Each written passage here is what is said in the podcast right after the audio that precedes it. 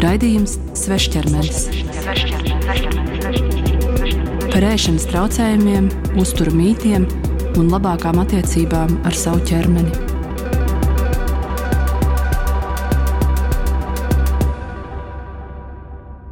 Esiet sveicināti raidījuma Svešķermenis klausītāji! Šajā reizē turpinām sarunu ar ārsti psihiatri Natāliju Bērziņu. Runāsim par sociālo mediju ietekmi uz ēšanas traucējumu attīstību. Tāpat arī runāsim par to, cik būtiska ir ģimenes un tuvinieku loma ēšanas traucējumu diagnosticēšanā un ārstēšanā. Lai arī ieraksta gaitā nevaram atcerēties, kā sauc traucējumu, kurš visbiežāk piemeklē vīriešus un ir saistīts ar muskuļu masas palielināšanu, vēlamies atzīmēt, ka tā ir bigoreksija. Šī ir sarunas otrā daļa. Varbūt tu vari pastāstīt, kāpēc ir tā, ka tu jau pat pieminēji, ka puiši ar šo saskars retāk, un kāpēc ir tā, ka sievietes bieži iekrīt gan diētas lazdos, gan saskarās lielākoties ar dažādiem ēšanas traucējumiem? Nu, laikam tad ir jārunā par to sabiedrību un sievietes lomu, meiteņu lomu un tos priekšstatus, jo nu, pēc būtības, nu, es nezinu, es tā sīki nepētīju, kā mainījās vīrieša, nu, tā kā skaistuma standarti laika gaitā. Nu, es tur nevarēšu baigi komentēt, bet sievietes skaistuma standarti vienmēr ir bijuši nu, priekšplānā, vienmēr ir uh, vajadzējis sasniegt to standartu, kas ir pieņemts skaistumā. Un es domāju, tieši tāpēc uh, sievietes arī emocionāli varētu būt jūtīgākas uz tādām pārmaiņām un vispār orientētas uz kā, sabiedrības viedokli par, par kaut kādām lietām. Un, uh, ārkārtīgi prasīgas arī pret, sievi, pret sevi sievietes var būt. Tāpēc es domāju, ka lielākoties tas ir saistīts ar to, ka pirmkārt sabiedrība uz sievie, sievietēm vērš vairāk uzmanības, otrkārt, nu, ka pati sieviete emocionāli ir uzņēmīgāka pret šīm lietām. Man liekas, ka to varētu skaidrot šādā veidā. Mums ir ļoti daudz influenceri un ļoti daudz informācijas, un arī vīrieši influenceri, kuri rāda, kā viņi sporto un kādi viņiem ir muskuļi vai varbūt ir kaut kāds novērojums saistībā ar šo, kad arī vīriešiem kā, rodas kaut kādas galējības biežāk, un varbūt jums ir arī kaut kādi pacienti bijuši. Un, tā. Tas ir ļoti interesanti. Teikšu, uzreiz tādi pacienti man pagaidām vismaz nav bijuši. Bet, jā, sociālos tīklos par to runā arī mm, zinātniskā literatūrā. Nu, piemēram, tajos pašos, ja paņemt kaut kādus pēdējos pabmet pētījumos par ēšanas traucējumiem un vispār priekšstatiem par ķermeņa veidu un struktūru, nu, veidolu, teiksim tā, tad arvien vairāk parādās nu, šāda veida gadījumi, kad eh, vīrieši, mēģinot sasniegt atkal šos standartus sociālos mēdījos ar izteiktu muskuļu masu, eh, piekopja ļoti striktus ierobežojumus vai dzīvei kaitējošas metodes, dzīvībai kaitējošas metodes, lai to sasniegtu. Es eh, tiešām neatceros, bet tam arī ir dots arī vārds. Ja? Eh, arī kaut kas mm, reksija. Bet, eh, jā, es eh, piedošanu, es neatceros tiešām to vārdu, kā, kā viņi to mēģina saukt, bet nu, par to runā vairāk. Un vīrieši, protams, arī ir zem šīs sabiedrības spiediena, kādiem viņiem ir jābūt, ka viņam tur nedrīkst izpaust savas emocijas. Pirms kāda laika bija tiesa, gan tas mainās. Es redzu, un man ir ļoti liels prieks, ka tas mainās ar vien vairāk runā, ka jebkuram cilvēkam izrādās varbūt emocijas. Un, um, tas ir ļoti labi. Bet um, jā, šāda veida gadījumi, kad uh, tas aiziet uz to nu, tādu galējības pusi, bez šaubām ir. Bez šaubām ir, un tad ir jāskatās arī, kas ir ar pašvērtējumu, kas ir ar pašizpratni šajā gadījumā. Jo bieži vien tas slēpjas gan uh, noteiktā pašvērtējumā, gan savās robežās, cik lielā mērā es varu pieļaut, ka kāds man saka, kādai man ir jābūt. Ja? Nu, tas tā kā psihoterapijas psihoterapeitiski, psiholoģiski ir saistīts. Un, nu, jā.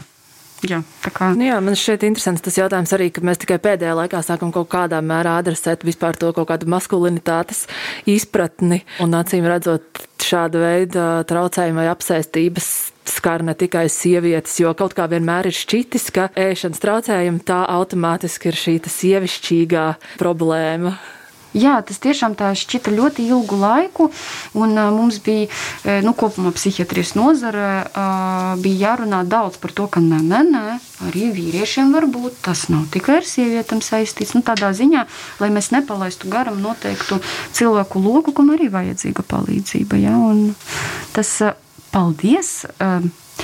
Nu, arī savā veidā sociālajiem mēdījiem, ka no otras puses tā informācija tiek uh, izdalīta un, un ar vien vairāk cilvēki var to izprast. Nu jā, katrai monētai ir savas divas puses. Bez šaubām. Varbūt varētu mazliet uh, ieskicēt, mēs uh, pirms raidījuma nedaudz parunājām par to, kur cilvēki var meklēt palīdzību.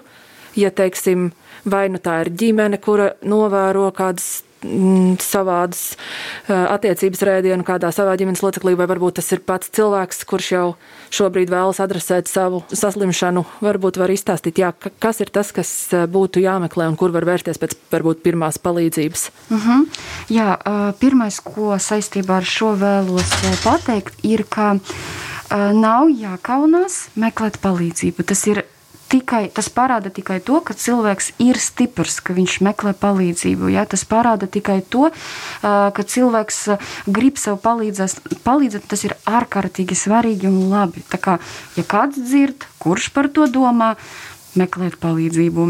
Tas nekādā veidā nevajadzētu uh, to, nu, teiksim, uzņemt ka kaut kādu mm, nu, tādu sliktu soli. Nē, tas ir. Tas varētu būt, piemēram, arī, ja cilvēks iet pie terapeita, tad tas varētu būt pirmais solis, Jā. kur stāstīt, Jā, vai ģimenes ārsts. Bez šaubām, tātad, eh, principā tie virzieni ir eh, samērā dažādi. Protams, eh, nu, tā tāds, nu, varbūt tāds parastākais veids ir uzreiz iet pie psihiatra, jo psihiatrs tad varēs novērtēt, cik lielā mērā šie ir traucējumi, kāda labāka palīdzība var būt un varbūt iespējams piedāvāt, nu, ja tas būs nepieciešams vēl, nu, ar, nu, plašāku palīdzības spektru. Bet, protams, pati ģimene kā tāda, tas ir tāds pats pirmais teiksim, posms, lai palīdzētu gan pašam cilvēkam kaut kādā brīdī um, saprast, ka ir kaut kādas grūtības, ar kurām būtu jātiek galā ar speciālista palīdzību. Ja? Kā, nu, tie ir tie soļi, par ko es stāstīju jau pirmīt, uh, kam varētu pievērst uzmanību un ko pārunāt. Un uh, bieži vien, nu, īstenībā, bieži vien ģimene ir tā, kas uh, mums atved pacientu pacientus ar ēšanas traucējumiem. Ja? Tā kā ģimenes loma ir ārkārtīgi svarīga. Tālāk ir psihoterapeits vai psihiatrs. Psihoterapeits tas uh, ir ārsts, speciālists. Nu, ja tas ir uh, Jā, varbūt ārsts, psihoterapeits vai psihoterapeits, kas apguva noteiktu psihoterapijas metodi. Tā kā, nu, to sauc nu, kā sabiedrībā tādu parunāšanas terapiju. Ja? Un, šī te terapija būs arī tā galvenā beigu beigās, tāpēc, ja sāk ar to, tas arī ir ļoti labi. Protams, ja cilvēkam jau ir ārkārtīgi izteikts svara zaudējums, ka cilvēkam jau ir tiešām malnutrīcija, kaheksija, kad, nu, kad tiešām ir tikai kauli jau gandrīz vai nu, šajā gadījumā, protams, viens psihoterapeits nevarēs palīdzēt. Tad ir jāgriežas pie, nu, pie ģimenes ārsta, viņš nosūtīs pie psihiatra. Pie psihiatra var tikt pa taisno, pie psihoterapeita var tikt pa taisno, var meklēt to palīdzību. Tie veidi ir daudz. Tātad ģimene, psihiatrs, psihoterapeits, Var arī, ja ir teiksim, tādas aizdomas, bet īsti nu, nav īpaši izteikti šie uzvedības traucējumi, bet nu, ir jau tādas nu, grūtākas, saspringtākas attiecības ar ēdienu, tad var griezties arī pie uzturas speciālista, kas palīdzēs nu, tādā nu, teiksim, adekvātā veidā salikt akcentus un varbūt kaut kādas domas pārmainīt. Ja? Šie te, veidi ir dažādi. Ja runāt par psihiatru, tad var griezties gan privāti, gan valsts sektorā. Tās ir psihoneiroloģiskas slimnīcas, ambulatorās pieņemšanas. Neviens tur cilvēkus nesaķer, nestumi nekur. Nekas tāds nenotiek. Tas ir normāls, parasts ārsts, kā visi pārējie, kas piedāvā ļoti daudz dažādus veidus, kā cilvēkam palīdzēt. Varbūt ir kaut kas tāds, ko noteikti nevajadzētu darīt, ja, piemēram, mēs novērojam savos tuviniekos kādas uzvedības, kas būtu tas, no kā būtu jāizvairās? Jā, nu noteikti ir kaunināšana, vainošana, ka, ka tu tā nu saņemies taču vienu reizi, vai tas ir tik grūti. Nu, šāda veida leksika vispār nav pieejama. Un vēl viens svarīgs moments, es nevaru nepieminēt arī kā psihiatrs, kas ar to strādā, ja kādreiz kāds no ģimenes locekļiem kaut ko izsakās par to, ka viņš negrib tādā veidā dzīvot, vai ka viņam tas viss ir apnicis, tad obligāti nedrīkst teikt, ai, nu liecies mierā, ko tu tā runā, tu mani sāpini ar tādiem vārdiem. To nedrīkst teikt. Ir jājautā, kā tu tā jūties, cik ilgi, kā es tev varu palīdzēt, es gribu tevi atbalstīt. Un kopā ar cilvēku izdomāt tos veidus. Tas ir tāds mazs atkāpiens, tāda sāpīta man kā psihiatram, ko dara vai nedara radinieki. Un, protams, radiniekiem ir jāatbalsta palīdzības meklēšana, ir jāatbalsta psihoterapija, jo nu, man tiešām ir ārkārtīgi žēl, kad, es, kad, man ir, kad pie manis nāk pacienti Un, un tā meitene saka, ka, doktor, es nevaru teikt mammai, ka es te eju vai saņemu zāles, jo viņa saka, ka to nedrīkst un vispār neko nedrīkst darīt. Un tie psihiatri pie viņiem iet ir šausmas. Nu, man tiešām ir ārkārtīgi žēl, ka cilvēks nevar saņemt to atbalstu ģimene, kas pēc būtības ir tā vide, kas viņus var uzturēt.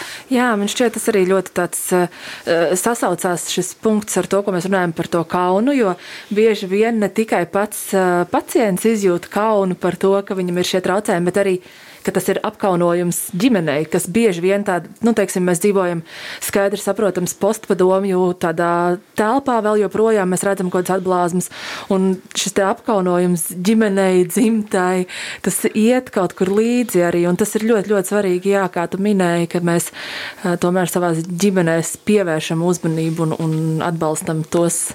Mm -hmm. Bet kaut kādā mērā, man liekas, tas iet roku rokā ar to, ka uh, vēl šur tur valda tāda tā stigma par to, kas vispār ir psihiskie traucējumi, par to, ka psihiatri pēdiņās skalo smadzenes un nu, tādas tā kā arī zāļo pacientus. Zāļo pacientus, jā, tas ir arī vēl kaut kur, tas man liekas, tas ir spēcīgi mainījies, protams, pēdējā laikā, bet joprojām, jo man pašai pat bija situācija, kad uh, man draudzene uzzināja, ka es eju pie terapeita, viņa ar mani vairs nerunāja, jo viņai likās, ka man izskalos smadzenes. Nu, tas ir ļoti, jā, mm -hmm. kaut kā tā cilvēki vēl uh, domā dažreiz. Jā, nu, nu īstenībā, kāpēc viņi tā domā, nu, tas ir aptuveni skaidrs. Jo tad, kad cilvēks, ja mēs runājam par psihoterapiju, tad, kad cilvēks iet psihoterapijā, viņš iemācās salikt robežas. Salikt robežas, neklausīties kaut ko, ko viņš negrib klausīties. Un tie, kas terapijā neiet un pieraduši dzīvot tā, kā viņi ir pieraduši, viņi nesaprot, kas notiek. Tu vispār kaut kāds tāds cits sāki būt.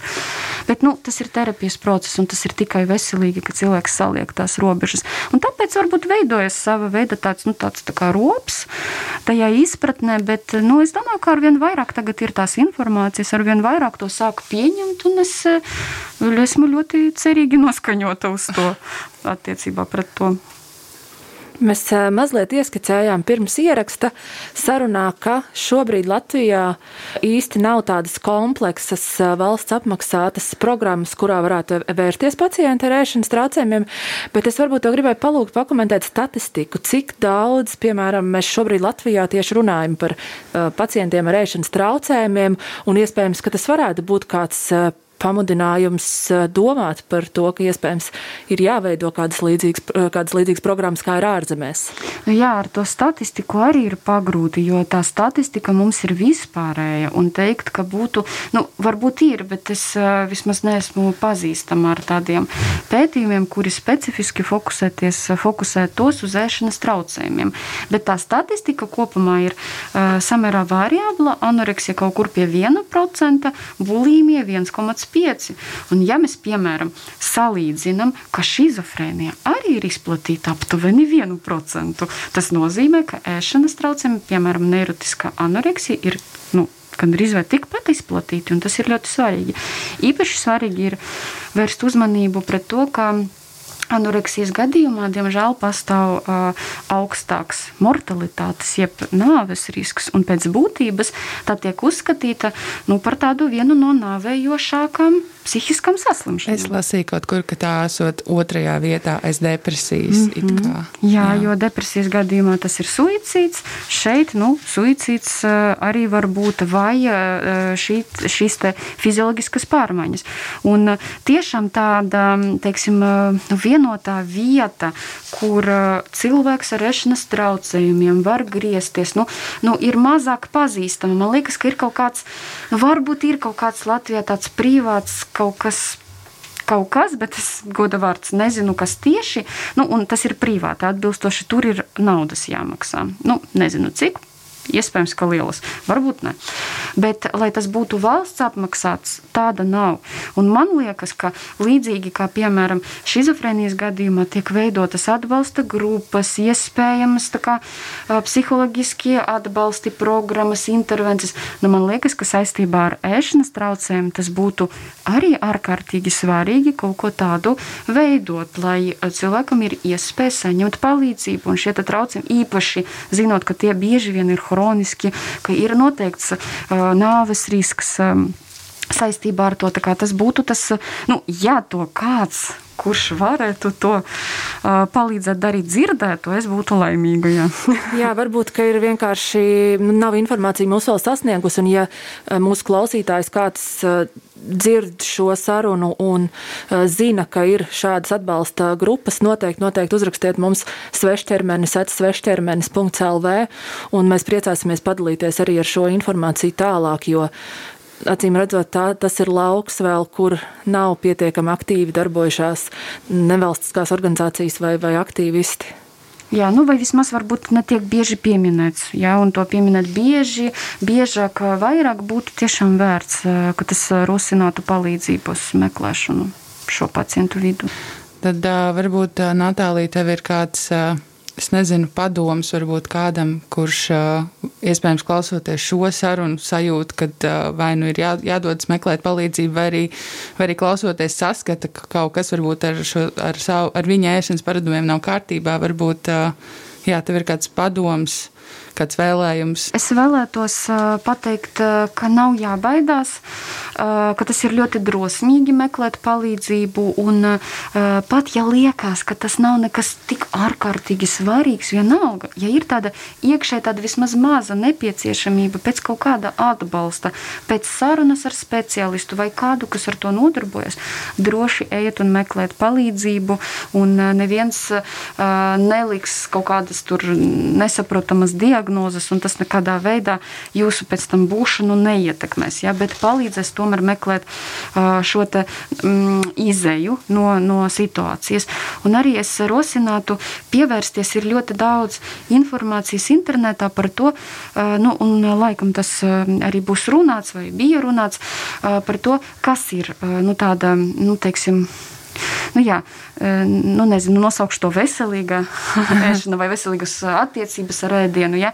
Pievērst uzmanību tam, nu, es runātu vairāk par tādu apzinātu ēšanu, ja? kas palīdzētu nu, atbilstoši nepārēsties kaut kādā brīdī, izprast, ko grib ķermenis, neveidot pārlieku satraukumu un trauksmi attiecībā pret to un veidot savu dzīvi tā, ka ēdiens ieņem patīkamu un labu lomu, nevis pārņem visu dzīvi un fokusē savu, fokusē cilvēku uzmanību tikai uz ēšanu. Ja? Tāpēc es tiešām ieteiktu pārskatīt tos, to informāciju par apzinātu ēšanu.